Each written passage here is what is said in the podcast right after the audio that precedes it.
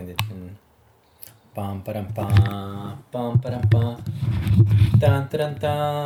Tuup-tuup-tuup-tuup, tu-tu-tu-tu. Tere. õhtust. nii äh, enne. tere Sass. tere, Laura.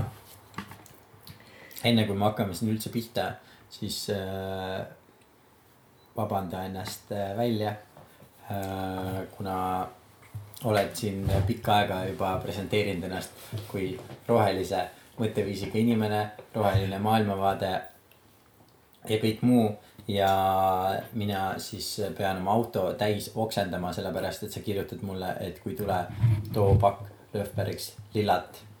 mis ei ole roheline, vaid on lilla ja lisaks sellele maailma kõige suurema eh, kohvitootja poolt toodetud asi, mis on tehtud väikestest eh, lastest. Aafrika lastest üldse. no mul ei olegi tegelikult mingit muud vabandust kui vaesus, vaesus lihtsalt iga nurga peal. aga ma siis nüüd pean loobuma sellest, ma saan aru, ma pean olema tublim.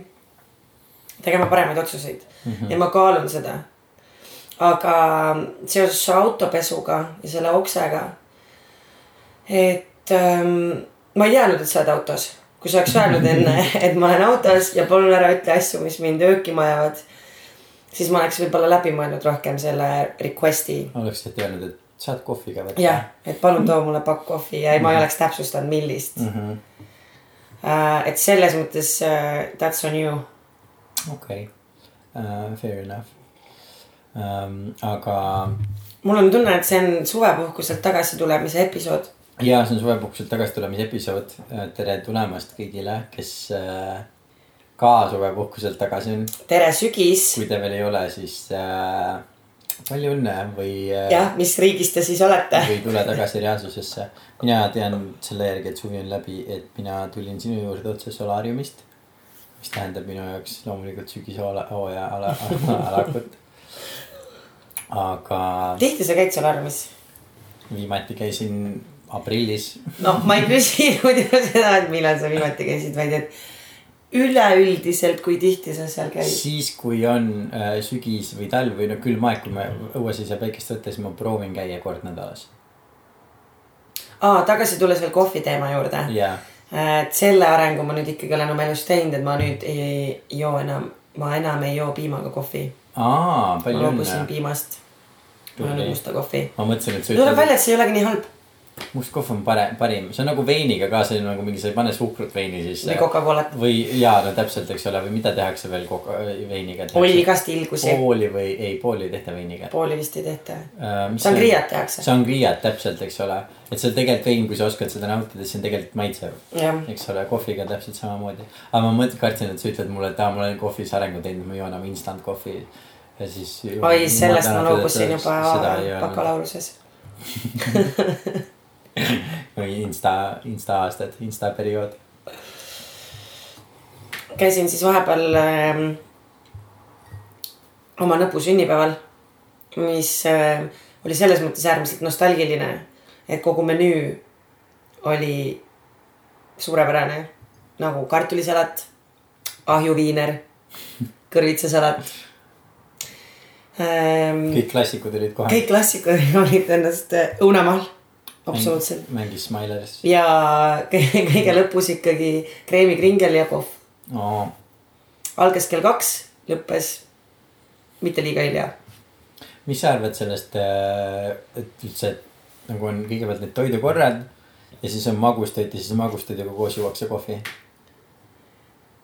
mulle meeldib. mul mingit sügavamaid ana-, ana-, ana-, sügavamat analüüsi ei ole teinud sellel teemal. mm. -hmm. sellepärast, et äh, see, no mulle meeldib ka see nagu rituaali või selle nagu traditsiooni mõttes, see on nagu tore siukene armas asi, mida teha. mina ise tavaliselt ei tee seda, sest tavaliselt on see nii nagu hilisel kellaajal siuksed söömingud. et kui ma kohvi joon, siis ma lihtsalt olen öö läbi üleval, ma ei saa seda teha.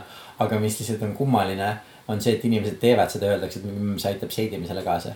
aga tegelikult ja see on kõik, kelle jaoks on too much information, andke mulle andeks.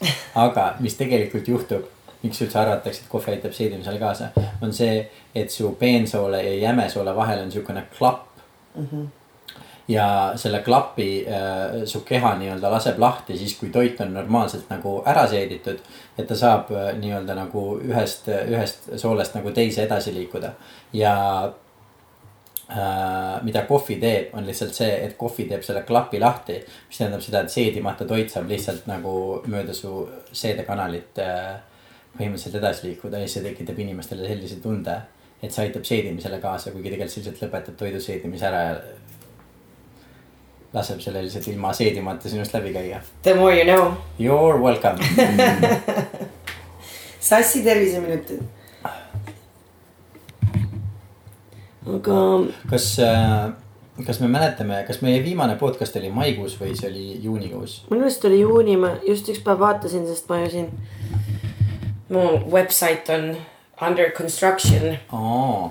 ja seal podcast'i alaleheküljel nägin viimast episoodi, minu arust oli see ikkagi juunis.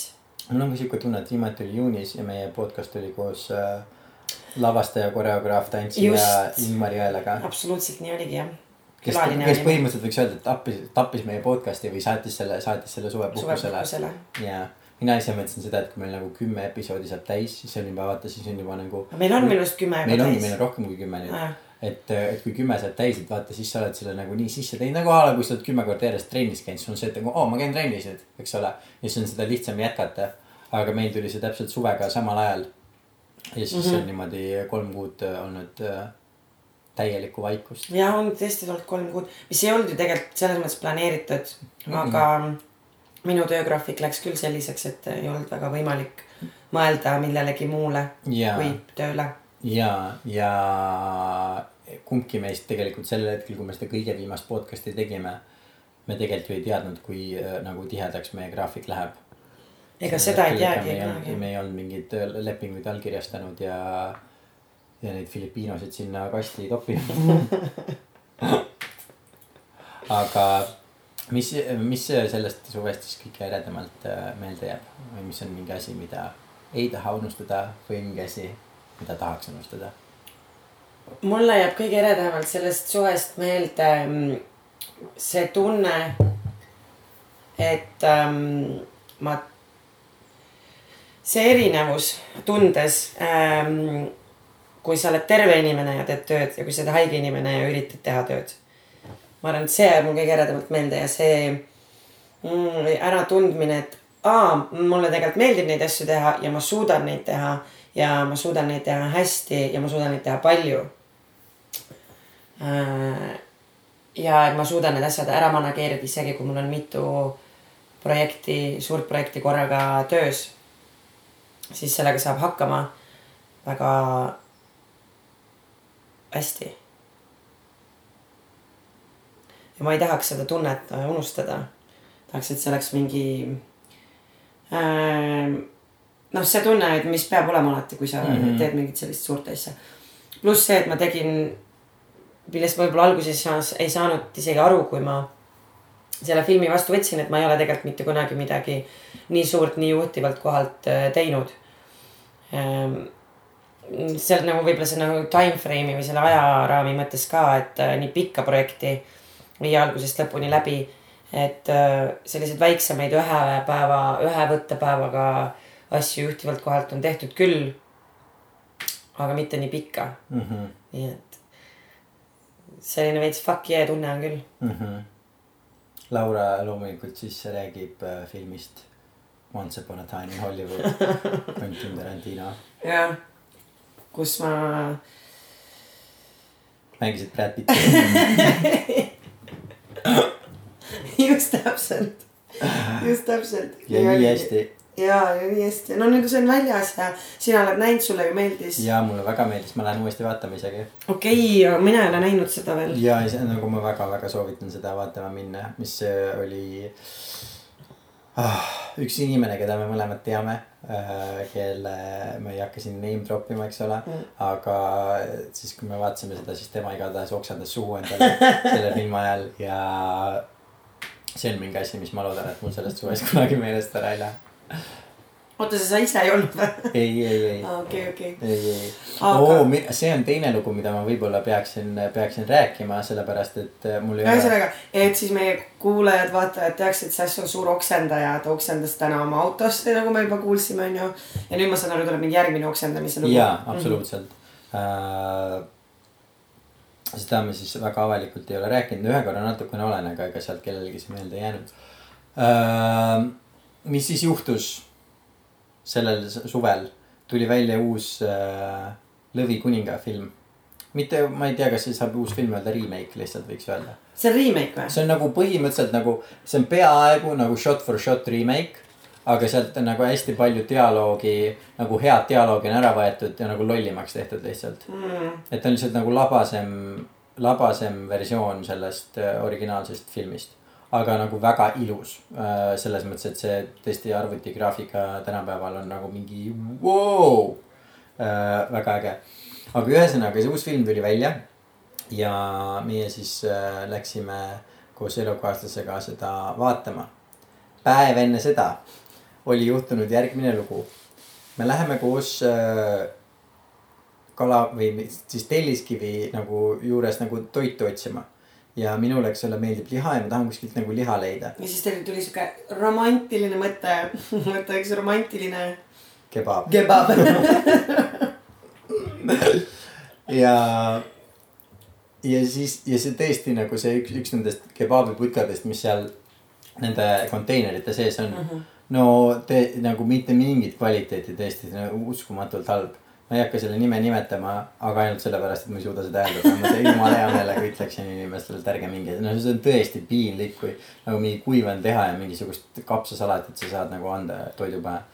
aga ühesõnaga, me sööme seda nagu kuivanud kana seal, eks ole. ja. kanakebab või? jaa, no ongi, sul ei ole isegi korralikku nagu lammast mulle anda. uskumatu. ühesõnaga, labane mõnitamine. aga ühesõnaga me sööme selle ära. Kõik on fine, see on lihtsalt halb toit, eks ole. mina lähen tööle tagasi äh, öösel. minu elukaaslane lihtsalt hakkab oksendama ja nagu täiega oksendama, täiesti lambis, tal ei ole ennem mingi, et aa, mul on paha olla, mitte midagi, lihtsalt öösel ärkab voodist ülesse ja hakkab okse-, oksendama minema, teeb seda nagu mingisugune viis-kuus korda kas sa sellel hetkel korra mõtlesid, et äkki ta on rase? Eh, ma ei mäleta mm., minu arust. Mitte, mitte midagi muud ei mõtlegi. aga, aga siis ja siis on järgmine päev, eks ole, ja siis me räägime sellest ja siis ta mõtleb, et mm, see vist oli sellest kebabist.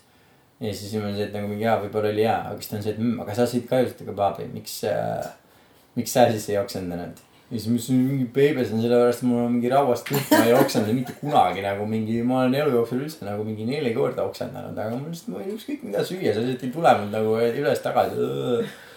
ja siis me läksime Lion Kingi vaatama. Enne seda mina sõin siis äh, Basiliku restoranis, mis on Coca-Cola plaza all, sõin ära ühe suure XXL pitsa. kui suur on XXL pitsa? oi, vabandust, stuudio laguneb. Äh, tead, ma isegi, ma isegi ei mäleta enam, see on väga suur igatahes. sest selle hind oli mingi neliteist üheksakümmend või midagi siukest. ja ise valisin kõik need asjad sinna peale, mis nad sinna panid. ma sõin kõik selle pitsa ära. Me läksime Lion Kingi vaatama ja siis mingi esimese paarikümne minuti jooksul ma saan aru, et mul on halb olla. ja siis ma ma käisin mitu korda nagu WC-s lihtsalt sellepärast, et ma nagu mingi lootsin, et mu keha nagu otsustab kuskilt poolt nagu välja saata selle, selle ba- ba- basiiliku leiutise. Ja, ja pikka aega seda ei juhtunud. Ja, ja see oli kusjuures, see oli kõige viimane seanss, see hakkas mingisugune pärast kella kümmet õhtul ja see lõppes pärast kella kahteteist ja mingisugusel hetkel, ma pakun, et umbes poole filmi pealt ma väga ei saanud keskenduda filmile, ma nägin, et see oli ilus, ma oleks tahtnud nautida, aga ma ei saanud. aga siis ma lihtsalt tundsin, et okei okay,, et nüüd on, nüüd on cancel majas, eks ole.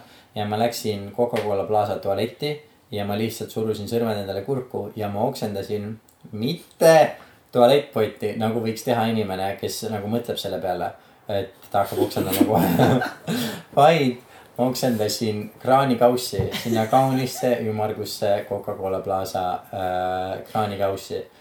ja ma oksendasin, see oli, see oli punane, seal olid väga suured prosciutto tükid sees äh,. kas sa sellel hetkel mõtlesid, et aa, Demmit, võib-olla ma peaks toitu närima?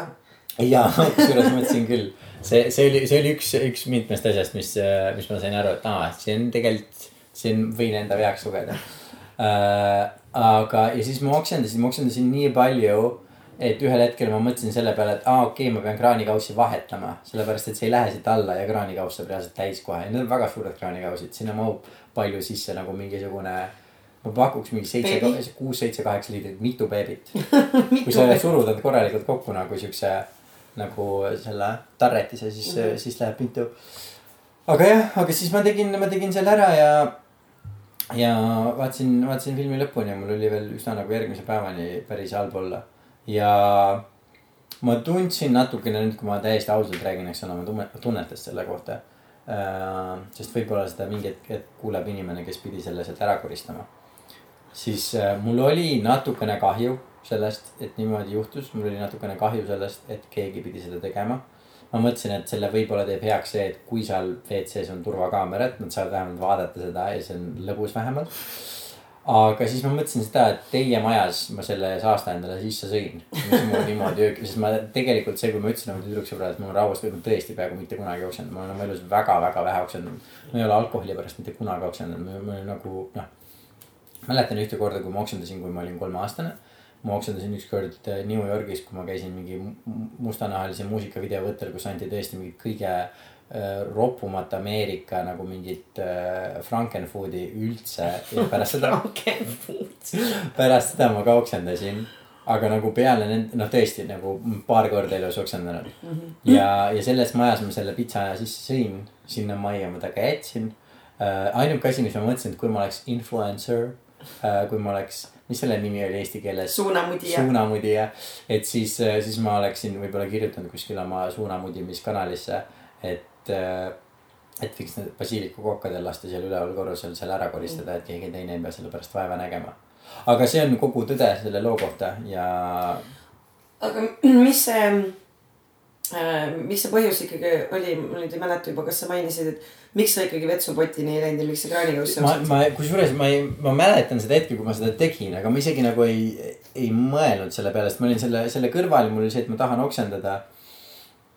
Ja asi võis tegelikult, asi võis lihtsalt väärikuses olla, see võis olla lihtsalt see, et nagu mingi, ma ei lähe põlvitama kuskile Coca-Cola Plaza tualetipoti kohale, vaid ma tahan väärikalt ikkagi peegli ees. ma vaatan, kuidas ma teen seda ja ma ei tea. ja, ja samal ajal tahtsin nii mitu põlvitamise nalja teha, aga Ja need sam- kõik tundusid veits ja liiga samal rõvedad. ajal ja pluss on see, et samal ajal, kui sa oksendad, siis ma saan, saad vett ka juua. et, et ma ei, ma ei saa lubada, et mul oleks see nagu täielikult olnud läbimõeldud, et nagu mingi, mis mu järgmised neli sammu võiks olla. räigelt on vaja oksendada kohe ja kuidas ma selle läbi viin, et see oli rohkem sihuke hea hetke emotsiooni ajendil Mhm. ja, ja nii see läks. et kui see kellelegi vaimselt või füüsiliselt liiga tegi järgneva kahekümne nelja tunni jooksul pärast seda, kui ma olin seal olnud, ma vabandan. See on non-apology, mis sa just tegid. on või? kui ma kellelegi, ma vabandan juhul, kui ma kellelegi haiget tegin. ai, aga kusjuures sellepärast, et mul reaalselt oli see tunne, et issand jumal, aga mida ma sõin, sõin siin sisse, kui äh,. sest mul, noh, kuidas ma ütlen, mul ei ole kahju, et see juhtus. ehk siis tegelikult ongi, see on non-apology, sa ei taha tegelikult vabandada. ei, ei, mul on see, ei, kui sa tahad lihtsalt öelda, et you felt bad, I don't actually. ei, sest mul on see, et vaata, ma ei tea, mis see olukord on, ma ei tea, kes pidi seda koristama, kui keegi nagu, kui ma kohtuks selle inimesega, kui mul oleks mingi päris persoon inime- nagu näo ees. kes oleks see, et nagu saad aru ka, missugune minu järgmine hommik oli, siis mul oleks lihtsalt, et kuule, palun vabandust, ma ei, tõesti ei tahtnud sulle liiga teha. aga praegu mul nagu ei ole, et noh, kelle ees ma üldse vabandan nagu. no minu arvamus on, et Basiliku kokk ei olnud see inimene, kes seda sealt koristas. ega ka see inimene, kes selle kebaabi tegi, ei olnud see inimene, kes seda sealt koristas. No see on lihtsalt sihuke circle of life, võib-olla ütleme nii. et see lihtsalt käib ringi, siis ei ole nagu otse, otsene kontakt. väga hea äh,. ma arvan, et sul on õigus, Laura mm, -hmm. nagu alati. kas sa mõnda filmi üldse jõudsid? ei, viimati ma. käisin Tõde ja õigust vaatamas minu arust. päriselt või, issand jumal ma ei ole mitte midagi jõudnud vaatama. mm.. minule sellest suvest jääb meelde see, et äh, tavaliselt, vähemalt kõik suved, mis ma olen oma elus Eestis veetnud, ma olen alati suvel pigem vähe teinud. nagu mingisuguseid suvalisi asju aga siis hästi palju lihtsalt nagu puhanud hästi palju. jah, sa oled ju töötu. no töötu, eks ole. töötu elu põhimõtteliselt mm., et, et hästi palju puhkad, hästi palju käid nagu chill imas värki-särki ja nagu teed mingeid suvalisi, suvalisi tööotsi. ja see aasta oli esimest korda, kus oli nagu täiesti vastupidi, kus ma tegin nagu hästi-hästi palju tööd. Ja mulle üldiselt see väga meeldis ka. aga siis, kui oli nagu, ei mäleta, mis see oli, juuli lõpp või augusti algus ja siis ma vaatasin ühte nagu kõige-kõige ilusamat päikseloojangut, mille ajal ma ise pidin nagu tööd tegema ja siis ma mõtlesin selle peale, täitsa pekis, et ma olen nagu terve selle suve lihtsalt niimoodi tööd teinud. ja nagu ma ei tea, nagu näinud mõnda päikeseloojangut küll, mis on olnud ka väga ilusad. aga neid on tegelikult nii palju olnud ja ma olen need kõik ilma, neist kõigist ilma jäänud lihtsalt sellepärast, et ma olen arvanud, et oluline on ikkagi äh, tööd teha. ja sain aru sellest, et ükskõik kumba sa teed, sa ikka leiad mingi põhjuse virisemiseks. mul oli selles mõttes õnneks vedas, et ähm, kuna suurem osa filmi me tegime öistel aegadel, siis ma nägin päris mitmeid päikseloojanguid ja ka päris mitmeid päiksetõuse. et äh, seal tekkis selline balanss mul. mul hakkas päike silma paistma. ta läheb varsti sinna maja taha sinu jutu peale. mm.. hea ängel, siin ei ole teda. et jah, sa, sa märkasid ja seda ma märkasin. või sa ei saanud aru. vaata, ma panin just tüki šokolaadi suhu, sa pead eh, nii kaua eetrit täitma no tegelikult ei ole üldse ju mõtet viriseda selles mõttes nende asjade üle mm. -mm. või no vahel ikka tahaks ventileerida, aga aga sul jääb siis see üks, mis sul, okei okay,, mis su siis see kõige või mis sa siis sellest suvest ikkagi kaasa võtad? seda sa nagu pole öelnud. üks suguhaigus, millest ma ei taha rääkida. ei, see oli nali uh,. sest sa ravisid selle välja, sa ei võta seda kaasa. sellepärast. see jäi siia, siia suvesse uh,. Uh, ma ei tea uh,, hästi ilus tore suvi oli uh, see, et aa, vist ikkagi ka midagi töö tegemisega seoses, et jumala tore on teha nagu tööd, mida sulle meeldib teha, kui, kui sa tahad seda teha ja siis teed seda põhimõtteliselt Great. aa, vot tead, mis ma tegelikult sellest suvest kaasa võtan või? see, mis ma just ütlesin, täielik vale uh,. ma võtan sellest suvest kaasa seda, et elus hästi tihti, olenemata, kas see on seoses nagu töö või eraeluga või mis iganes asjaga, on mingisugused asjad, mis meid nagu häirivad, eks ole tavaliselt mingisugused inimestevahelised suhted või mingisugused olukorrad või nagu noh, mingid asjad, mis mind nagu äh, tüütavad. ja mina olen seda viimase paari aasta jooksul oma elus äh, palju näinud, kuidas mingisugused asjad võivad nagu terve päeva kõikidest nagu kõigest muust ilust olenemata lihtsalt häirida kogu aeg. ja siis see hetk, kui ma sain aru sellest, et nagu ükskõik, mis nagu tüütu asi see on, mis sind häirib mingisuguse inimesega, mingisuguse olukorraga või mis iganes. et siis samal ajal sa tegelikult oled nagu elus ja elu ikkagi samal ajal nagu käib ja see on nagu sinu otsus, kas sa nagu fokusseerid sellele nagu mingi väiksele tüütule asjale ja nagu tunned ennast selle pärast sitasti või virised selle üle või teed mis iganes. või siis keskendud sellele, et nagu samal ajal elu käib, mis on jumala äge ja mis on jumala ilus ja ja sa võid ennast samal ajal jumala hästi tunda, et see on tegelikult valik. et äh, ma ise tean, et ma olen ka võimeline täpselt samamoodi nagu paljud teised inimesed äh, mingites olukordades nagu virisema, et asjad on halvad või keegi inimene on nõme ja selle, sellepärast mul on nii-öelda õigustus tunda ennast sitasti või mul on õigustus nagu mitte olla rõõmus või mul on õigustus no ollagi nagu negatiivne või mis iganes. aga nagu tegelikult jaa, okei okay,, kõikide inimeste elus kogu aeg toimub igast nagu sitta, mille pärast me võime leida mingi õigustuse. miks ma võin olla tõre või pahane või kurb või nukker või mis kõiki neid asju. aga lõppude lõpuks me peame tunnistama seda, et see on ikkagi meie valik. Et nagu millele me fokusseerime ja nagu kuidas me ennast selle pärast tunneme ja millega me tegeleme? ja millega me tegeleme täpselt, et kas me tegeleme lihtsalt nagu rumineerimisega selle pasa üle, mis ta mulle ütles ja mis ta tegi ja nagu mm, kuidas ta nii võib. oled sa kindel, et rumineerima on sõna või? ei, Or you just made one? ma ei ole üheski asjas enam kindel Mm. äh,. äh, inglise keeles on rumination, eesti keeles on äh, kas ruineerib, no ruineerima on sõna okay,, kindlalt, aga ma ei tea, kas see tähendab sama asja. mida sa mõtled? tead, doktor Google, please help. sekretär, sekretär mis meie sekretäri nimi oli? Keijo Keijo, sekretär Keijo, okei äh,. okay., Keijo. võiks olla see nimi. aa, on ruminatsioon on ikkagi jah? ja. ja, ja rumineerima on siis oota, ka. stopp, see tähendab midagi muud. oh my god, see on õudselt mingi sekspoos või midagi, palun., see on midagi veel, veel ha- haigemat. ruminatsioon on väga haruldane söömishäire. mille puhul inimene tahtmatult, oota, oota, sa võiks olla tahtmatult oksendama mulle suhu või midagi sellist. ja see, kusjuures ta, ta tegi mul selle suud asja nii, okei okay..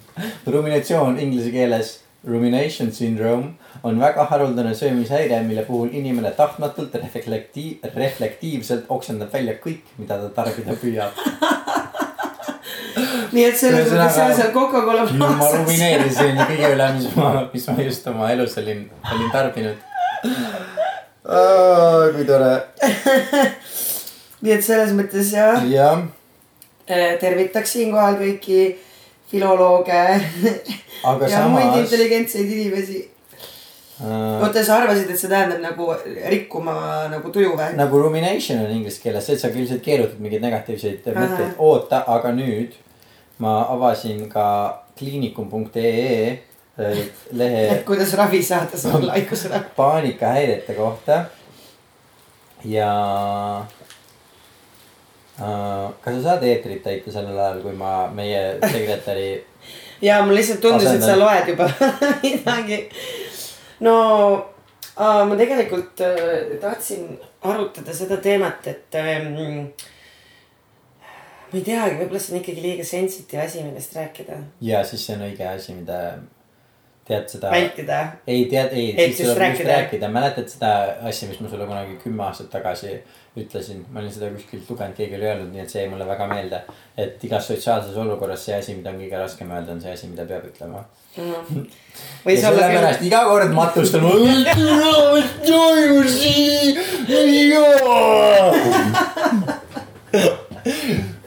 aa, sellega seoses mul tuli hoopis meelde üks lugu matustel.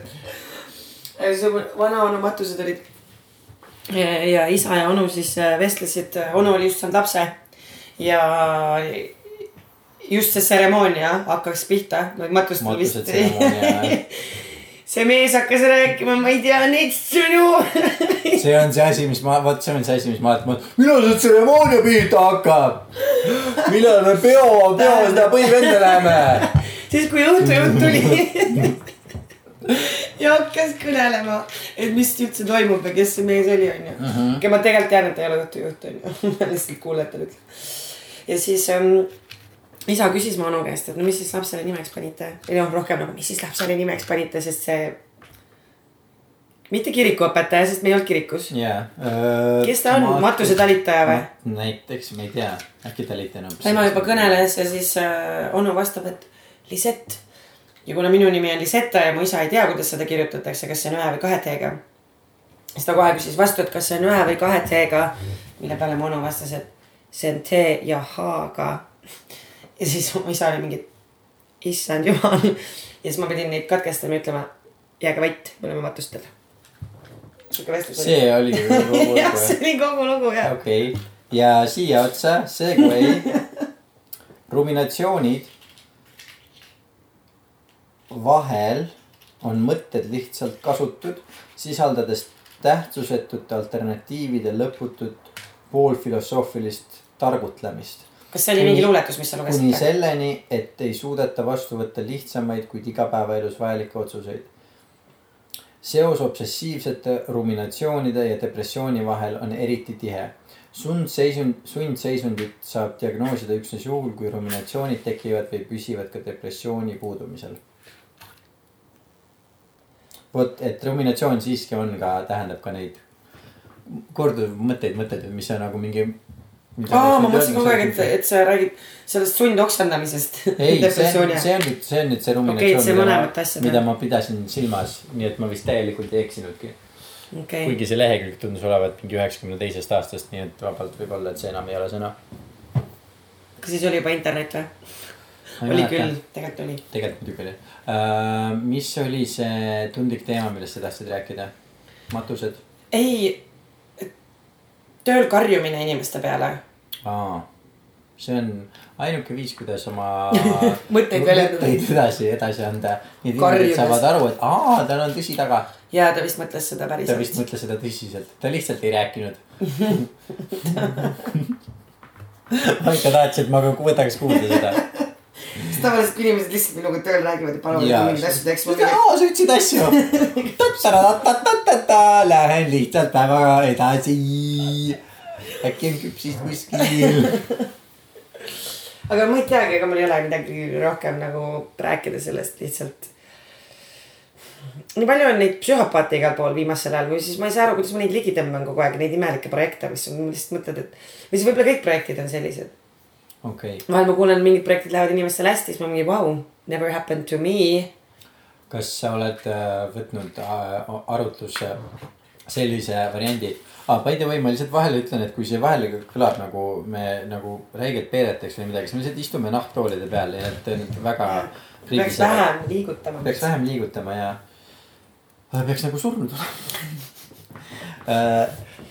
nii um,, et kas sa oled võtnud mõelda seda varianti, et äkki kõik need situatsioonid, mis su ellu tulevad, on uh, hingelised katsumused selle jaoks, et anda sulle võimalust uh, areneda.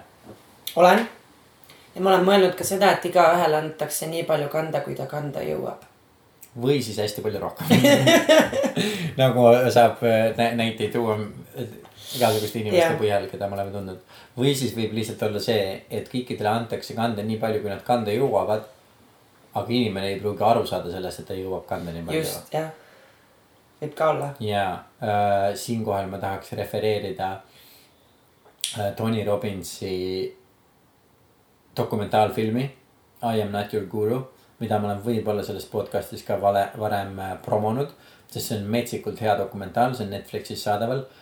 Ja seal üks kõige äh, südantmurdvamaid kohti on, kus on üks naisterahvas, ta on noor, kahekümnendate alguses minu arust, keda hoiti nagu sünnist saati või nagu imikust või nagu beebist lapsest saati mingisuguses äh, pedofiilide äh, mingi veidra sekti kuskil kohas keldris igastahes põhimõtteliselt teda kasutati nagu seksorjana ja nagu igasugusteks muudeks asjadeks ära.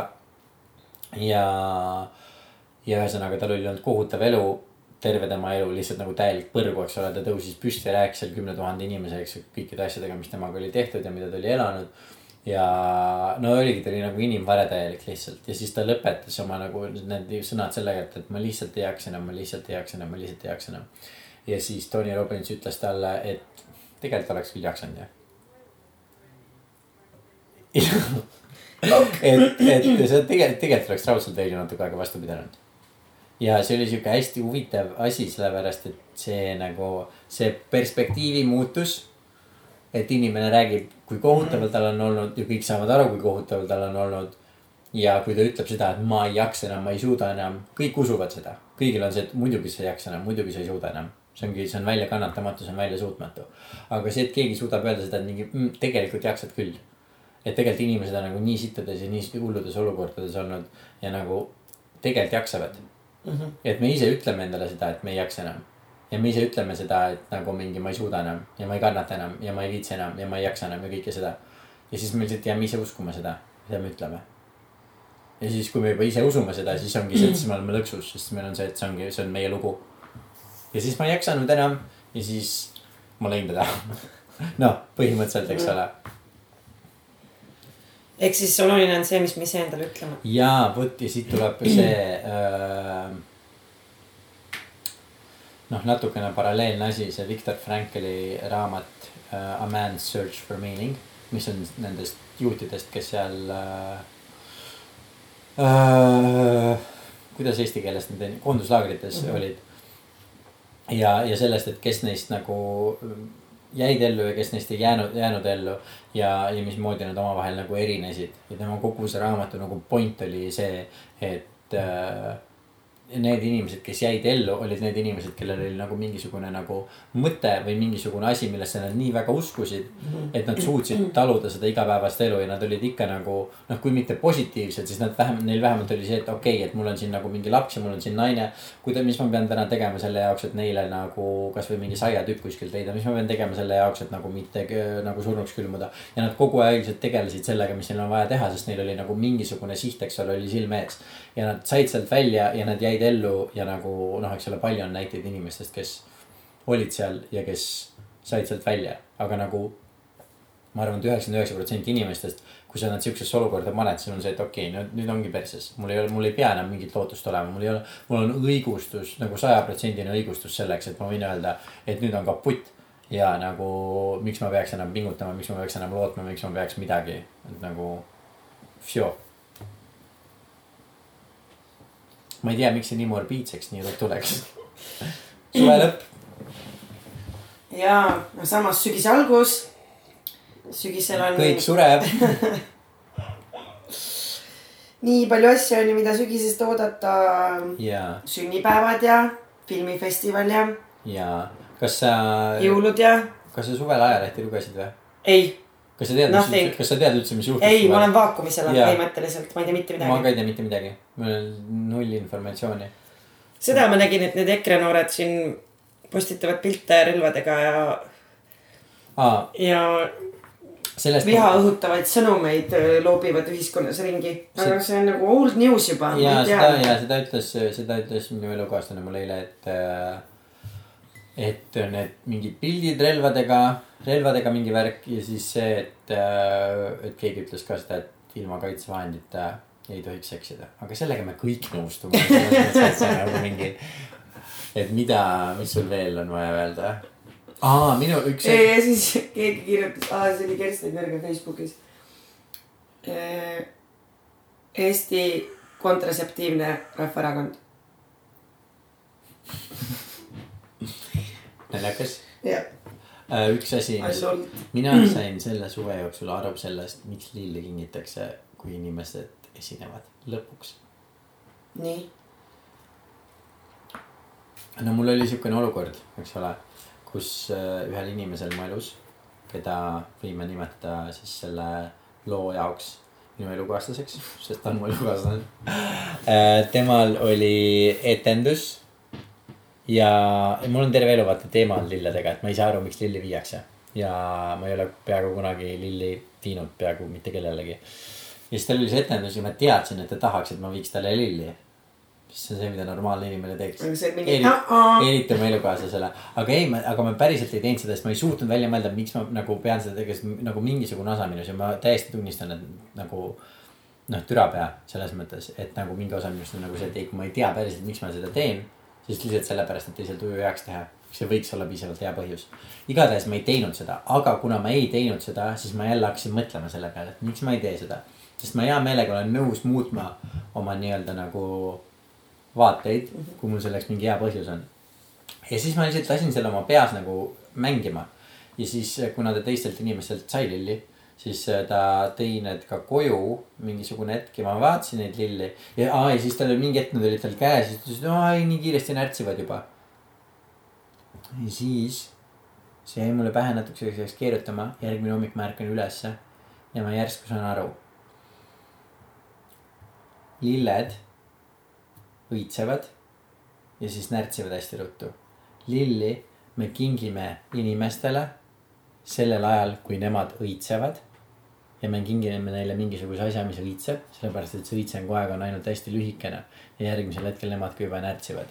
et see on nii-öelda siukene nagu, see on nagu metafoor nende elust sellel hetkel, kui me selle lille neile anname. ja siis mul oli see, et nagu mingi holy fucking shit, ma hakkan inimestele lilli kinkima, kui nad esinevad. vahel ma räägin sinuga ja ma mõtlen, et kas see on sass või see on geenius Which is it, which is it? aga saad aru, mis ma mõtlen või? ma saan aru, aga ma ei saaks öelda, et ma nagu nõus olen sinuga või. nojah, see on nagu tore mõte. ütleme nii. ja, ja vot, aga see on nagu selles mõttes, aga see on minu jaoks, ega ma ei arvagi, et see peab, peaks mingisugune universaalne tõde olema mm. -hmm. aga see on Aga minu jaoks. enda jaoks suutsid selle ära põhjendada. aga see on minu jaoks jah, sest see lihtsalt tuli mulle pähe, et nagu okei okay,, see on inimese õitse, nagu muidu sa ei ole lava peal, kui ei ole sinu õitseaeg, eks ole Jaa. selles mõttes, et see. See on see you blooming, eks ole, see on Mhm. see, mis sa nagu oma inimelus praegult teed. ja selle jaoks, et seda nii-öelda representeerida. ma annan sulle ka Mhm. midagi, mis õitseb ja see on minu jaoks nagu õigustatud nagu täiesti õigustatav põhjus, miks ma saan kellelegi nagu lille kinkida. et äh, see on jumala okei okay,, kui teised inimesed lihtsalt kingivad lille sellepärast, et lilled on ilusad ja või tore või tahavad teised inimesed tujuvaks teha. see on super fine. Aga nüüd vähemalt mul on ka põhjust seda teha ja mul on hea meel selle üle. aga okei okay, no lõikelilled on ju, aga potililled, mis kestavad kauem. oled sa mõelnud neid kinkida? kunagi ei tohi kinkida neid, sest kes see kestab kaua okei okay., ei, ma arvan, ma arvan, et see on mingi, ma ei tea, mul, see ei ole mu mingisugune nüüd sihuke mingi elumuutev lai filosoofia, et ma mm. -hmm. siin annaks raamatu välja. potililled, siis sukulendid, kaktused. et äh, jah, see oli kõik, mis ma, mis ma oma väikse ajuga välja mõtlesin. no ma kiidan sind tegelikult selle eest, okei okay,, no tegelikult okei okay,, mulle meeldib see mõte, ma saan aru sellest. aitäh sulle, seal on küll mingi loogika olemas thank you. ja. no ma ei tea, kuidas siis veel suve, no ongi, me mõlemad tegime palju tööd kuskil, mingeid asju ma ei näinud, midagi ma ei lugenud üldiselt. Um, no mina ainuke asi, mida ma nagu nägin ja mida ma nägin. jaanipäeval käisime, see oli väga tore, selle ma võtan ka sellest suvest oo kaasa. jaa, see oli tõesti, meil oli ikka väga-väga tore jaanipäev, Saaremaa forever. ja, mina sealt siis sain Saaremaa Eesti siis puugipealinn, sain loomulikult puugi endale. sain kõik teha, kõik puugitestid ja värgid ja särgid ja. Ei jäänud haigeks ega midagi, väga igav lugu. aga üks asi, mida ma nägin palju äh, see suvi oli äh,. Bolti tõuksid. oo, mine pekki, Bolti tõuksid, no tõesti. ma vaatan neid inimesi, kes sõidavad nendega, mul on lihtsalt see, et no halleluuja, no kasvage suureks, eks ole, sihukese lollusega nüüd minna kaasa, issand jumal. ja siis ka mõtlesime nalja pärast elukaaslasega üks päev, et nagu võiks võtta ja lihtsalt nagu sõita ja mingi kahe minutiga. mul on see, et okei okay,, see on tore, aga siis nagu see ei ole isegi nii tore, kui ma oleks eeldanud, et see on ja siis ma panen selle tõukaka nagu maha ja teen selle pildi sellest ära, siis on nagu, et mingi, oli mis oli. siis pärast seda iga päev sõitsin sellega. see oli nii tore, see oli nii, nii kiiresti saad igale poole, täiesti uskumatu. mulle Okei. väga meeldis see. Aga mis värk sul siis sellega oli, et sa ükskord selle Citybay tõuksi eest sada kakskümmend euri pidid maksma? aa, vot. mida, mida ma siiani arvan, et I call BS, sa peaksid selle vaidlustama ja ma tahan näha seda arvet, mille nad sulle saatsid, mille alusel sa pidid maksma nelisada ja, ja, kakskümmend. aga nad saatsid mulle tagasi selle. aa, okei Jaa., so it's solved, ma võin maha rahuneda. ja, ja, ja kuna me ei ole näinud pikka aega, siis sinu arust lõppes see seal, kus Just. nad võtsid. ei, ilmselgelt ma oleks vaidlustanud selle või nagu ühesõnaga äh, väga tore vestlus oli mul siis vahepeal CityBee klienditeenindusega. CityBee on siis sihukene firma, kelle klienditeenindus elab Facebook Messengeris Aa. mis on minu arust naljakas, see isegi ei ole nagu päris firma, see on na- naeruväärne tegelikult ka. tahad meie klienditeenindajaga rääkida, palun väga kirjuta Messengeris, no mis lollus see on, tegelikult. aga kui sul ei olegi Facebooki, sa ei saagi nendega ühendust. ei, siis unusta ära. aga ei, ühesõnaga üks päev ma lihtsalt mõtlesin, et, et ma siis, kui ma olin selle Boltiga juba sina peale saanud. Aga need Boltid võetakse sealt äh, alati sealt Telliskivi kandis kõige esimesena ära, sest need on midagi väärt. mina ei Äh, ole, ma olen üritanud se- seda, seda City- ja need on City- alati tühjad, kui ma jõuan nendeni. City ja Citybead on, on alati nagu kõik kohad on täis neid, sest ma arvan, et inimesed ei taha neid nii väga kasutada. aga ühesõnaga, siis mul oli see, et okei okay,, Bolti ei ole, ma võtan Citybee, ma jõuan ruttu käia nagu turul ja kodus söömas. ja äh, sips-sops tööle tagasi. Ja ma võtan selle, ma sõidan sellega vähem kui neli minutit ja siis ma proovin sellest pilti teha, vaata sa pead sõidu lõpetamiseks tead, eks ole. no skännima seda QR koodi veel. skännid alguses QR koodi, Jah. et sõitma hakata ja kui sa tahad sõitu lõpetada, sa teed pilti sellest, et ta on ilusti pargitud okay.. ja siis, ta lõpetab sõidu ära. ja kas neil siis on, mingi siis algoritm, mis saab aru siis, et ta on pargitud selle pildi põhjal, okei okay.. ja no see, et ta püsti on minu arust on lihtsalt see, et ta on okei. püsti ja ta ei ole nagu katki, ma arvan. Need on need vist kaks nagu kriteeriumit, ma pakun uh,. aga ma ei tea, millest ma räägin uh,. aga mis siis on, on see, et ma siis vajutan sinna nupule lõpeta sõit. ja see äpp lihtsalt ei tee mitte midagi ja ma lihtsalt vajutan ja vajutan ja vajutan ja mul on see, et okei okay,, mul on vaja süüa äh,. Mul on vaja tööle tagasi jõuda, nagu mul ei ole aega tegeleda sellega. siis ma lihtsalt lähen koju endale süüa tegema ja nii kaua, kuni ma seda süüa teen endale, siis ma otsin üles neie, nende kliendi toe ja siis, kuna ma ei viitsi telefoni peal, kuna neil on Messenger nagu mingi tipp, tipp, tipp, tipp, tipp ja neil ei ole telefoninumbrit. siis ma lihtsalt saadan voice message'i neile, eks ole, siis ma lihtsalt räägin oma probleemi ära, ma mõtlen ka, et neil on ju kerge kuulata seda äh, ja siis ma räägin lihtsalt voice message'ina sellest, et mis juhtus. Ja nad kirjutavad mulle vastu, et äh, ei ole probleemi, et äh,. et me umbes võtan selle, lõpetasin sõidu sinu eest ära ja panin mm -hmm. selle arve nagu mingi viiekümne sendi peale mul oli see, et nagu mingi okei okay,, jumala hea, aga siis mingi hetk, eks ole, ma lõpetan söömise ära ja mul on vaja tagasi tööle saada mm. -hmm. ainuke asi, mis mu maja ees on, on seesama Citybi tõukeratas. ja siis ma sõidan sellega tööle tagasi ja üllatus, üllatus, missugune, ma olin täiesti šokeeritud.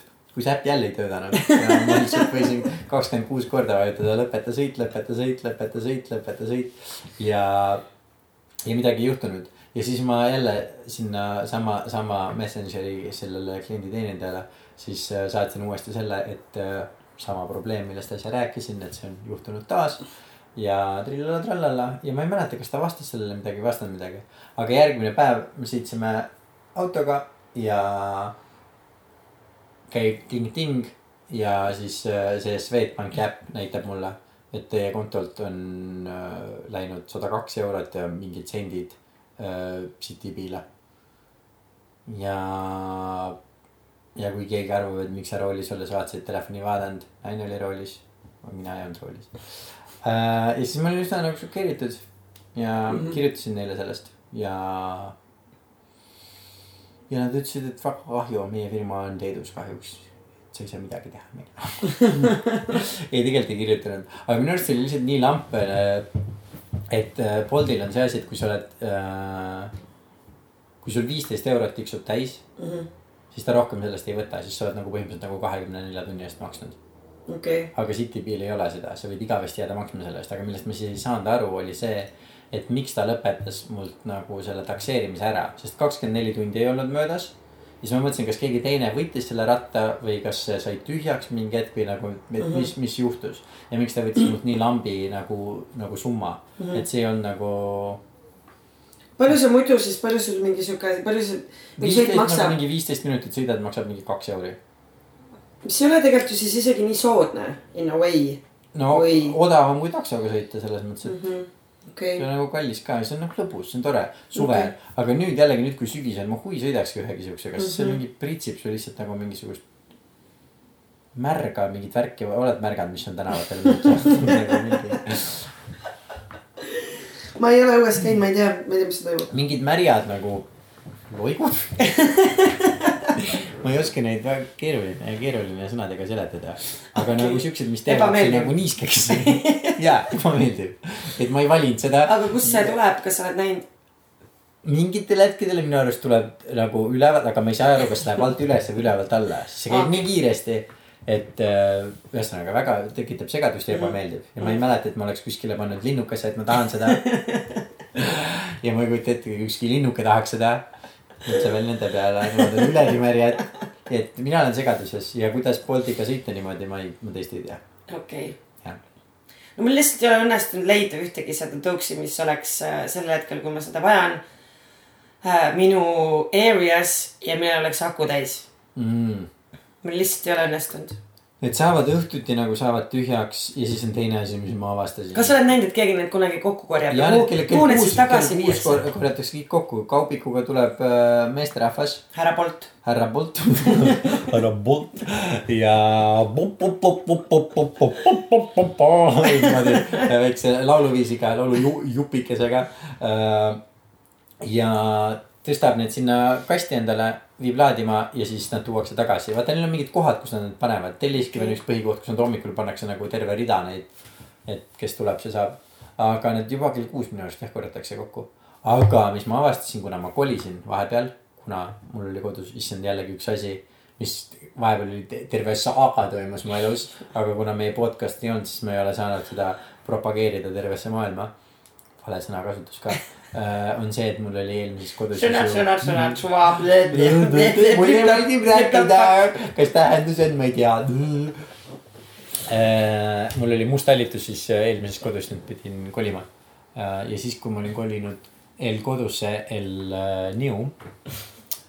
siis ma sõitsin sinna ükskord Boltiga ja siis ma tulen Bolti pealt maha ja teen selle pildikese ära ja siis äh, äpp ütleb mulle, et olete mingist fucking rajoonist väljas. vabandust, fucking pärast. ja et kas olete nõus neljakümne eurose trahviga. mida? punane siuke asi. Ei ole, miks ma peaks olema nõus neljakümne eurose appi, sa trahviga. oled ääremaal, sass. mis lollus see on, aga siis ta näitaski mulle seda kaarti, siis ongi sealt mingi hetk läheb see punaseks, nii et ainult kui sa oled nii-öelda nagu kesklinna mingi pool Põhja-Tallinnas, sest ma elan Arsenali keskuse kõrval. Arsenali keskuse ette veel saab jätta, aga siis, kui sa lähed sealt ühe üle tee, siis seal on juba nagu noh, no off limits. maffia põhimõtteliselt, seal on maffia. kartelli kokkulepped ja kehtivad kartelli kokkulepped, seal on ainult maf-, maffia need eh, jalaga lükatavad tõukerattad. on ja, et äh, vaatame, kuidas sellega läheb ja nende rattad ei ole piisavalt suured, sellepärast et äh, kui on see raudtee ülesõit, kui üle rööbaste sõidad, siis sa ei saa üle rööbaste sõita Mhm., kui sa just mingeid väga häid hüppeid ei oska teha. Et neil on äh, tore kontseptsioon, mulle meeldib äh,, see on ainukene aktsepteeritav liiklusvahend äh,, millega sa saad, mis on elektriga, millega sa saad ringi sõita ja sa ei näe välja nagu täielik türbel mm. -hmm. nagu mitte nagu fucking Segway ja ma ei tea, mis variandid veel on, millega inimesed, vaata mingi. mopeed. ei see ei millega vaata tänavatel, vaata mingi asi on veel, kus sa saad mingi balansseerid jalgadega peal, on üks on Aa, see, kus on üks jaa, ratas, ma üks on, kus on kaks ratast jaa. ja siis on Segway. no Segway on lihtsalt nagu kõige see nagu idiootsuse ma tipp. pole Segwaysid üldse enam näinud. ja no sest come on, et nagu ikka täielik lollus ka ju. üks asi, ma ei, võib-olla see on mingi asi, mida kõik mäletavad ja kõik teavad, aga lihtsalt kuna see Bolti küljes on ka kirjas, et see on powered by Segway. Whatever that means uh, -huh. siis äh, sellega mul tuli jälle meelde üks kõige naljakam fakt, mis ma loodan, et on päris fakt. on see, et see mees, kes Segway leiutas, sõitis ise Segway'ga kaljult alla ja suri ära niimoodi ma olen ka kuulnud seda. ja, ja ma mäletan, et ma kuulsin seda, siis ma mõtlesin ka, et mingi hetk, et aa, kas see on mingi asi, mis ma lihtsalt nagu kuulsin või mõeldi välja, aga see vist oli pä- just nagu päriselt juhtus niimoodi, mis on fucking hilarious. ja siis, mis on nagu see, et kellelgi ei ole kahju. aga ühesõnaga jah, et äh, Bolt on äh,, ma ei tea, no mina siis üks hommik ärkan ülesse, saan sõnumi. tervist ähm,. selle selle OÜ esindaja. Teid on antud inkassosse. mõtlen, oo kui tore hommik, nii meeldiv.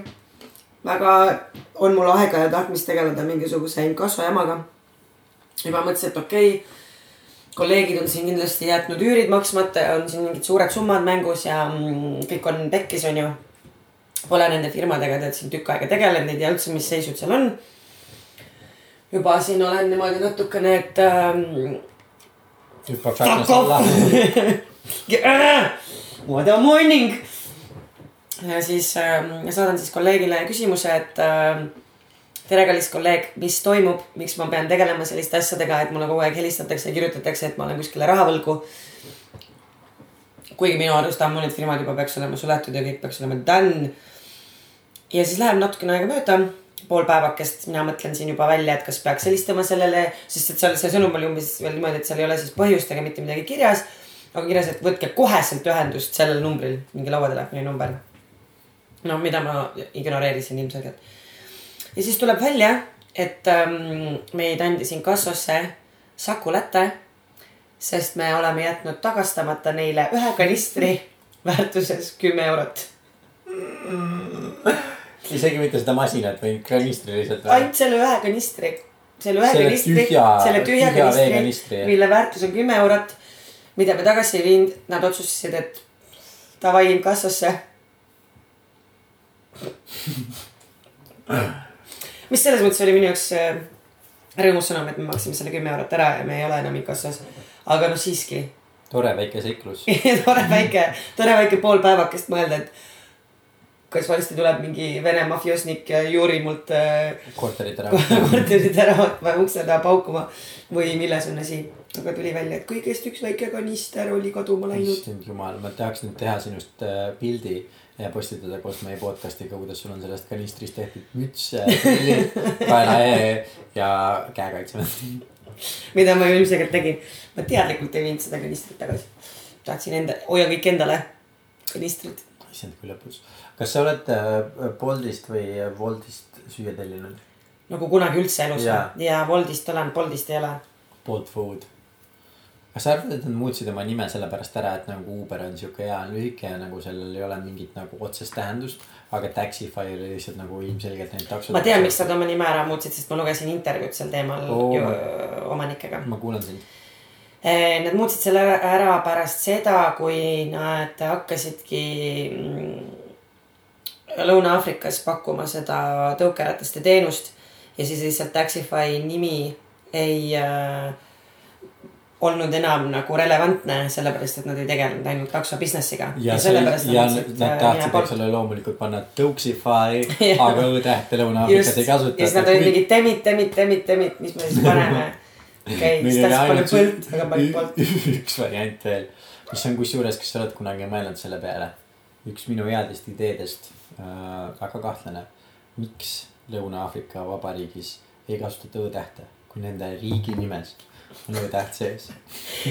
aga selle Bolti kaasusest veel rääkides ähm, on üks teine Eesti alustav firma, mille kohta ma vaatasin mingit lühidokki või mingit saadet ja nimi on ka Bolt ja oli enne seda Bolt, kui Bolt muutis oma nime Boltiks. ja mulle meeldib koostada lauseid, kus ma ütlen seitseteist korda Bolt. ja ma enam ei mäleta, millega see firma tegeles, aga see oli mingi väga lahe asi Boltidega. mingisuguste Boltidega.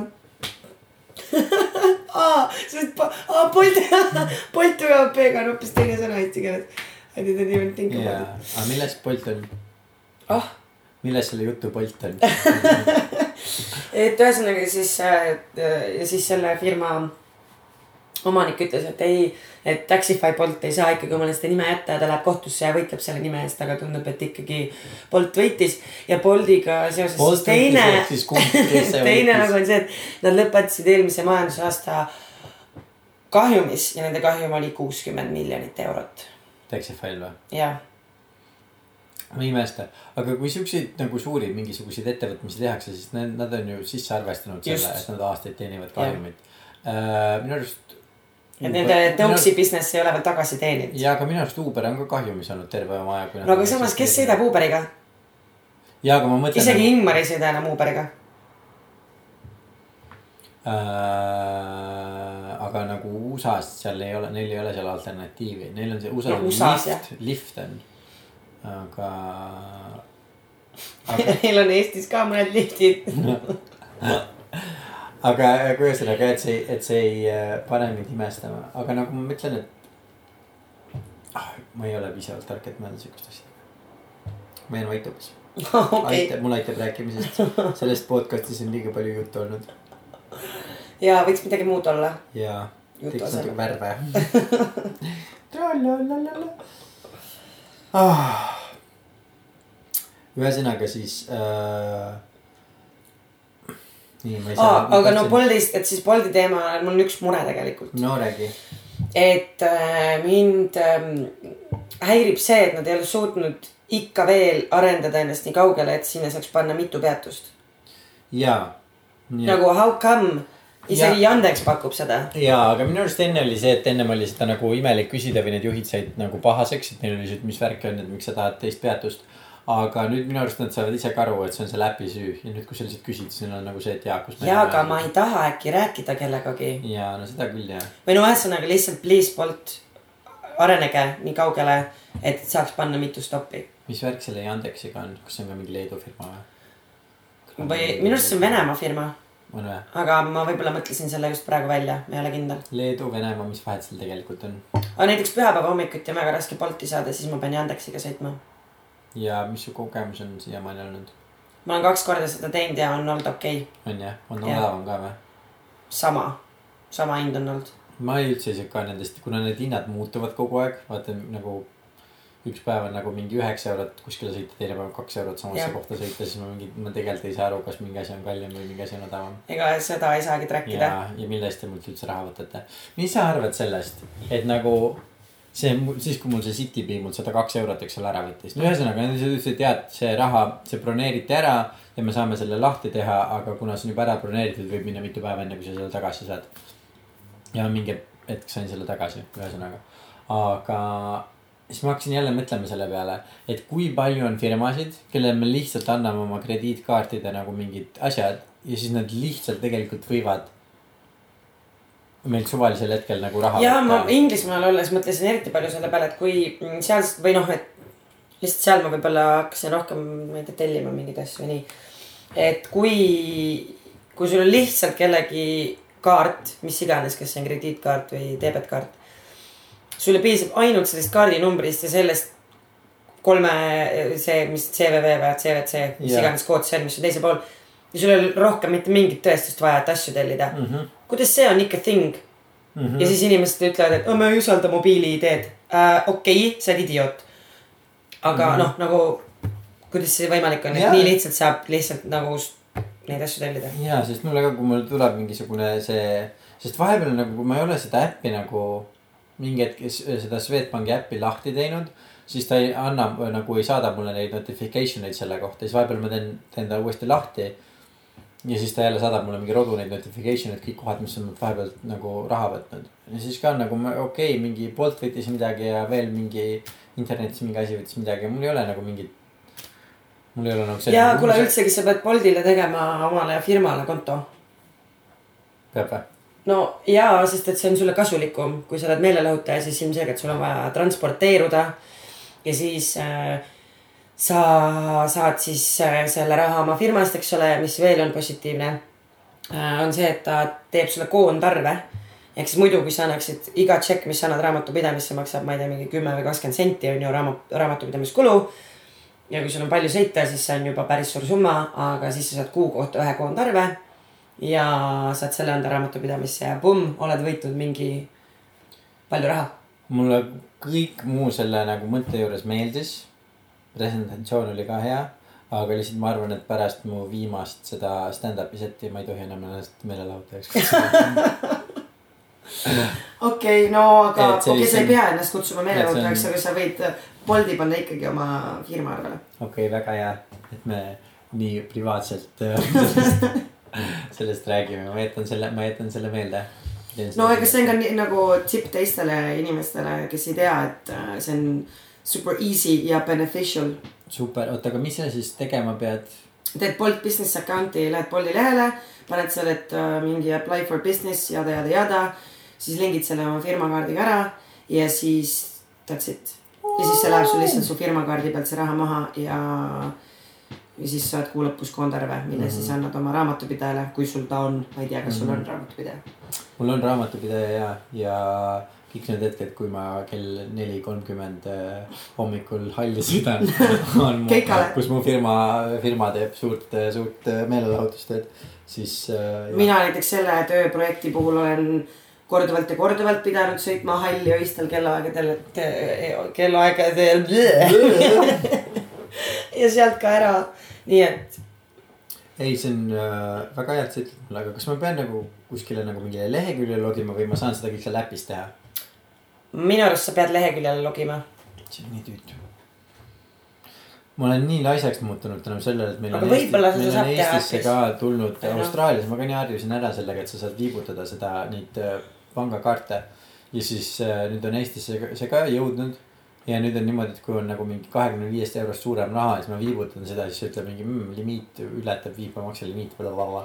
siis ma pean selle sinna sisse panema ja ma tunnen ennast solvatuna. tunnen nagu mingi, kuidas te julgete mult küsida, et ma pean oma kaardi panema sinna terminali sisse ja koodi sisse panema nagu tere hommikust. minu arust võiks need asjad olla ammu juba kõik telefonis. No need on ka vaata telefonis, nii kas palju ma pean. nagu kuidagi midagi tegema, sul on mingi see Apple Pay või mis iganes asi on, peaks sul ju olemas olema, aga aga lihtsalt kõikides poodides vist ei ole seda riistvara, et nad saaksid lugeda siis seda. ei, see on seesama viipemakse asi loeb seda ja ä- nendel Apple nendel watch idel on ka.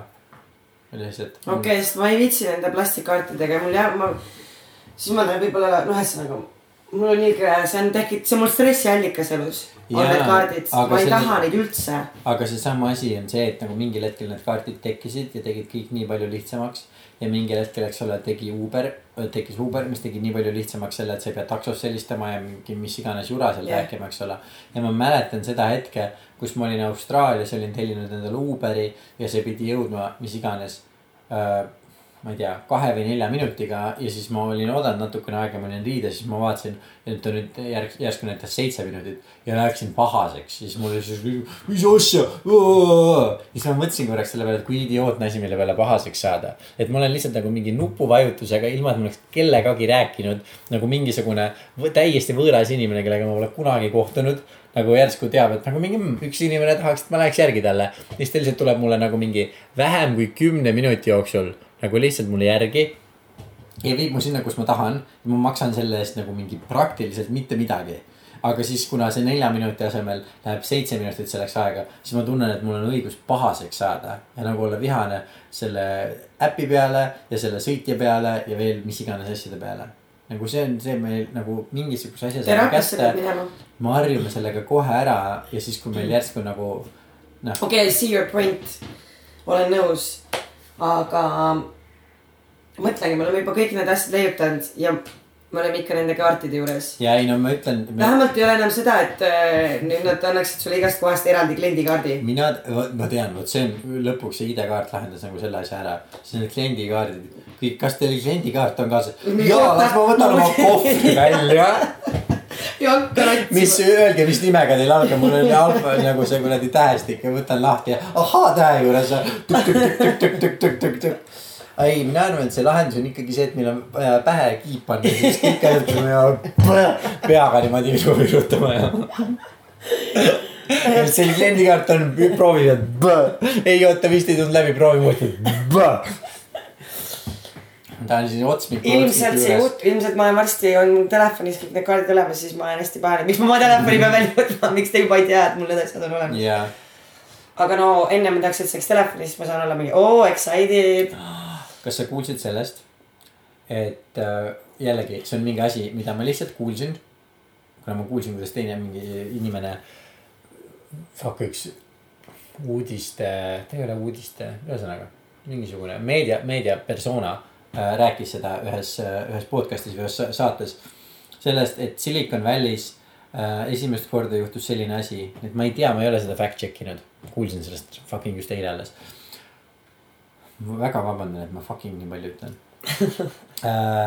et Silicon Valley's mingisuguse äh, firma nagu kontoris, kontorisse murti sisse niimoodi, et sellel äh, bossil oli see, see viis, kuidas ta, eks ole, nendest turvaustest sisse sai, oli voice recognition'iga ja need on vaata need voice recognition, ühesõnaga mingid need äpid ja asjad, vaata nüüd on siuksed, mis oskavad asju nii hästi järgi teha.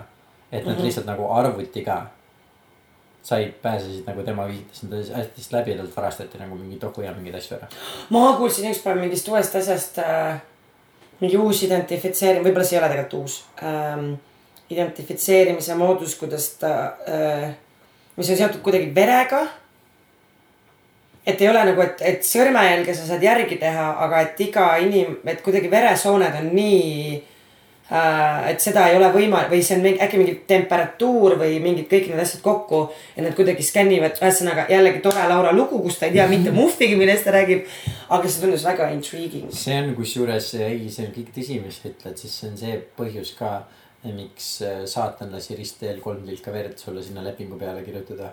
sest iga inimese veri on ainult tema eraldi temperatuuriga mm. -hmm. ja tal oli nagu see, et jaa, kui juba kurat teadis. jaa, täpselt. ja millal ta elas, see oli ammu. sellega, mul ei ole õrna aimu, eks ole, millest sa räägid mm. -hmm. aga sellega seoses tuli mulle meelde, et Netflixi vahepeal tuli ka siukene dokumentaalfilm nagu äh, Bob Lazar. Area fifty one something something something, kas sa kuulsid sellest? ei ole vist kuulnud. kas sa kuulsid sellest, et mitu miljonit inimest Facebookis äh, osales nii-öelda üritusel, et äh, Storm Area fifty one, ei, ei vist mitte okay.. millal see mingi, ühesõnaga, mis ka mis ka sellel suvel juhtus, mul tuli meelde üks film jälle, mis ma sellel suvel vaatasin. mis sellel suvel juhtus, oli see, et Netflixi tuli film Bob Lazarist. Bob Lazar öö, kaheksakümnendatel sai väga kuulsaks, sellepärast et oli teadlane, kes töötas seal Area Fifty One'is, sa tead, eks ole, Area Fifty One'i, ei, ei tea või? oota, kas see on see mingi military base, mis on ja just, eks ole, seal Okei, nagu. Nevada kõrbes, eks ole, mille kohta on kogu aeg olnud need salajutud, et seal on nagu tulnukaid peidetakse seal. mhm, ja, ja, või et seal on mingid kosmoselaevad ja mis iganes, eks ole. ja üks põhjus, miks need jutud on olemas, on sellepärast, et sihuke mees nagu Bob Lazar kaheksakümnendatel töötas seal ja siis tuli sealt ära ja siis läks uudistesse ja ütles, et seal on tulnukate nagu laevad, mhm. ufod, mis iganes asjad, eks ole, mille kallal tema siis töötas ja mille kallal seal teised inimesed töötavad. ja et see on nagu tõde ja siis ta oli natukene aega oli nagu väga kuulus, aga ilmselgelt kõik ütlesid, et nagu mingi ei, et ta ei ole seal kunagi töötanud ja see ei ole päris ja ta on mingi ajab hullu juttu ja tahab kuulsaks saada, mis iganes. Ja nüüd siis mingi rohkem kui kolmkümmend aastat hiljem tuli temast dokumentaalfilm välja ja siis pluss ma kuulasin äh, kolmetunnist intervjuud temaga seal Joe Rogani podcast'is.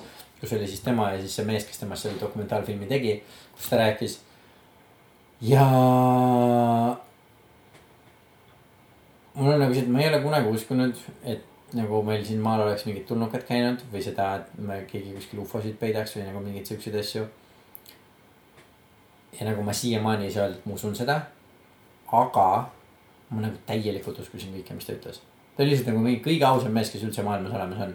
ega see on see, et nagu mingi, ma vihkan kõike seda nagu mingit meediakajastust, mis ma saan, mulle ei meeldi see, et mul käivad inimesed nagu mingi ukse taga, eks ole, ja ma nagu kõike. ta on ennast täiesti ära peitnud, eks ole, et ei peaks selle pasaga tegelema. ta lihtsalt tahtis nagu ausalt rääkida, millega ta tegeles ja nagu äh, noh, ka kaheksakümnendatel siis, kui see teema juhtus, siis ta ta ütles, et seal, et see asi, mida need nii-öelda tulnukate need laevad kasutasid selle jaoks, et nagu mingi uskumatult lennata. ja ka millega, mis käib kokku kõikide nende juttudega, mis inimesed räägivad, et ma nägin ufot ja siis see läks sinna ja siis läks sinna ja liikus niimoodi ja liikus mm -hmm. niimoodi, eks ole. siis ta ütles, et on mingi sihuke asi nagu, mis selle nimi oli, mingi element sada viisteist või mingi sihuke asi mis oli element, vaata, kui sa vaatad seda perioodilist elementide seda perioodilist tabelit, eks ole, seal on mingid elemendikohad, mis on nagu tühjad mm. -hmm. Sest me nagu teoreetiliselt need peaksid olemas olema, sest mingid asjad justkui on nagu puudu, aga me ei ole suutnud nii-öelda tõestada, et need on mm -hmm. olemas. ja see oligi üks niisugustest asjadest, mida keegi on tõestanud, et see on olemas ja tema ütles, et see on see asi, mis nagu aitas tekitada mingisuguse antigravitatsioonivälja äh,. mille abil need tulnukate laevad siis said lennata ja siis nagu mingid aastad pärast seda see oli reaalselt alles nagu mingi paar aastat tagasi, mingi kaks tuhat viisteist või kaks tuhat kuusteist, siis reaalselt tõestati, et aa ah, okei okay,. Et me nüüd suudame nagu sihukest asja nagu tekitada nagu mingisuguseks paariks sekundiks. ja see läks täpselt nagu tema jutuga kokku. ja ta lihtsalt kõlab nagu mingi kõige ausam tüüp üldse ja ta on nagu hästi palju ära tõestanud selle, eks ole, et ta töötas seal ja kõik see, et noh, ühesõnaga. et enamused asjad, kõik, mis ta ütleb, on nagu check ivad täiega ja mis tuli mul sinu sellest jutust meelde, kui sa rääkisid veresoontest ja nendest Mhm. sõrmejälgedest oli see. et üks asi, mida ta ütles, mida ta rääkis kaheksakümnendatel, mida ka mitte keegi ei uskunud, oli see. Et see viis, kuidas sa seal nendest turvaväravatest läbi said, oli see, et äh, iga inimese, mitte ainult sõrmejälg ei ole erinev, vaid kõikide inimeste käeluud on täiesti omamoodi mm. -hmm. ja seal oli mingi skaneerija, sihuke nagu mehaaniline skaneerija, kus sa paned oma käe sisse. ja siis ta teeb nagu mingi X-ray või mingisuguse sarnase asja nagu sul sellest äh, nagu käeluudest mm. -hmm. ja siis äh, tänu sellele, noh, see on see, mille abil sa sisse saad mm. -hmm. ja siis nad ka nüüd on tõestanud ära, et see on päriselt, see masin on päriselt olemas ja nad päriselt kasutasid seda seal. aga huvitav, kas siis äh, tal peaks siis olema juures, noh, see oli kaheksakümnendatel äh,. mingi asi, mis tõestab, et see on elus käsi on ju. ei noh, muidu saad käe maha Ah, lõigata ja minna lihtsalt, sellepärast see vereasi ongi vaata geniaalne mm. -hmm. et sa ei saa seda mitte kuidagi. okei kui sul terve inimese. imed vere välja. jah, et seal, aga no ma kujutan ette, et seal võib-olla siis noh, oli mingi asi, mis. see kõlab nagu mingi asi, kuidas saab äh, action filmides saab väga palju head nagu äh, nalja teha. kus sa nagu pead kuskilt turvaväravast sisse pääsema, sa imed kellestki vere välja ja siis hoiad suu seda endal. keegi tahab sinuga rääkima hakata, sul on mingi mm, mm,. ja siis niikaua, kuni sa siis jõuad sinna, kus sa seda verd saad kasutada. Ja siis see tundub nii legit plaan, et äh, nad skännivad su kätt, et näha, milline su veri on ja siis sa samal ajal hoiad selle inimese verd suus. ja siis saad sellest skännist läbi. ja davai, hakkame juba hakkame juba kirjutama seda ja ma arvan, et see stsenaarium tuleb amazing. ühesõnaga, aga see oli väga jällegi mingi asi, mis ma suvel täiesti lampi. vabandust. mille otsa ma sattusin. et aa, apparently nagu tulnukad on real thing okei okay,, seda doki peaks vaatama siis või? ja see on väga huvitav, selles suhtes mul on natuke see dok selles mõttes, et nagu doki koha pealt. see on nagu mingi sihuke kuuskümmend protsenti hea dok, sellepärast ah, okay. et see, see mate-, materjal seal sees hullult, hullult huvitav. aga see filmi tegija, see doki režissöör siis on natuke liiga palju otsustanud nagu mingi oma nagu mingi huvitavaid äh, filmivõtteid kasutada, et nagu mingi, ma teen huvitavama dokumentaali mm. -hmm. et teda, et see nagu häirib ja pluss tema enda, aa, seal ei ole isegi tema hääl, seal oli kellegi väga kuulsa inimese hääl, kes seda peale luges. aa, see, see on see näitleja, kes mängis selles Wrestleris, Mickey Rourke on see, kes seda peale loeb for some fucking reason. Whatever, igatahes see asi, mis mul seondus selle vereteemaga. ja by the way, ma ei tea, kas on meil siin tulnukad maal või ei ole, ma ei oska selle kohta mitte midagi öelda. lõpetage mulle helistamine ma hakkasin mõtlema, et kas oli ikkagi tõtt, sest Tõdeõigus oli ju veebruaris. see oli mingi külm aeg. jah, see oli veebruaris välja. no ma mõtlen, kas Climax oli siis varem või? Climaxit ma käisin ka vaatamas. ja midagi ma, ma käisin mingit appi. homode filmi ka vaatamas. Climax oli ka külmal ajal ja Climaxit ma käisin ka vaatamas, see oli ikka külm aeg, issand kui rõve see film oli. see oli rõve, aga ta oli ikkagi, ta oli väga intriguing ta oli intriguing, mulle jah, mulle vist meeldis sellest nagu mingi esimene pool või midagi siukest ja siis see teine pool läks minu jaoks lihtsalt. no ei saaks öelda, et oleks olnud hea vaatamine mm,, soovitan kõigile, pärast on hea olla mm, -mm, seda ei olnud. ei, aga see vist Kaspar, tal ei ole vist ühtegi yeah. filmi, kus oleks nii, et oi kui mõnus oli vaadata. et on ikka siuke korralik perver. aga mulle see, mis Laav oli selle nimi, see, see mulle meeldis rohkem kindlasti mm.. ja Into the Void ka meeldis rohkem. Enter the Void, jah oh ühesõnaga selline elu. kaks tuhat üheksateist suvi. jah, seda Tarantino filmi, seda on, see on kinokas on ju, ikka kinno peaks minema, see läheb maha kohe vist või? või ma ei tea, ma ei tea, kui palju, kui palju seda vaadatakse, see tuli augusti alguses, üheksas august äh,. ma ei kujuta ette, kui palju siukseid filme kinos hoitakse aga. samas nüüd mulle veits normaalsem. Tarantinoga on see asi, et kõik tema filmid on nagu kinos parem vaadata muidugi, aga tema filmid on vaata nagu, neil on see kvaliteet, et isegi kui sa vaatad seda mingi väikse ekraani peal mm. -hmm. see kvaliteet ei kao nagu ära, kuigi mm -hmm. kui paljude filmidega vaatasid, sa pead seda kinos nägema, sest muidu see on nagu surnud veits yeah.. aga tema filmid kõik sa võid neid vaadata ikka nagu NSM ka. aga ja täiega väga soovitan, hullult tahaks juba uuesti vaadata. okei okay aga see on ka siuke, see on ka siuke film, mida sa võid arvatavasti nagu mingi kakskümmend korda vaadata iga kord nagu mm. näed midagi uut ja saad, saad jälle nautida. okei, okei, okei, okei. nagu Lotte. jah täpselt nagu Lotte. tegin üks päev seepi. see oh. ei ole uus droog. okei okay. Aa, tegid selles mõttes, et sa valmistasid? ja valmistasin jah. ja tahad rääkida ei, lihtsalt, et äh, ma siis soovitaks meie kuulajatele, kuna äh, ma ei ole väga suur vedelseebi ega dušikeeli taustaja, sest need tulevad pakendites, mis mulle ei meeldi äh,. ja tunduvad veits nagu, mis on see toode, mille eest ma maksan palju raha, mida tegelikult ei ole vaja mm. -hmm. ehk siis mulle meeldib seep aga mm -hmm. siis, kui need, kui need seebitükid lähevad hästi väikseks, siis on neid paha kasutada. ja, ja, ja siis äh, ma korjasin need kokku ja tegin nendest uue seebi.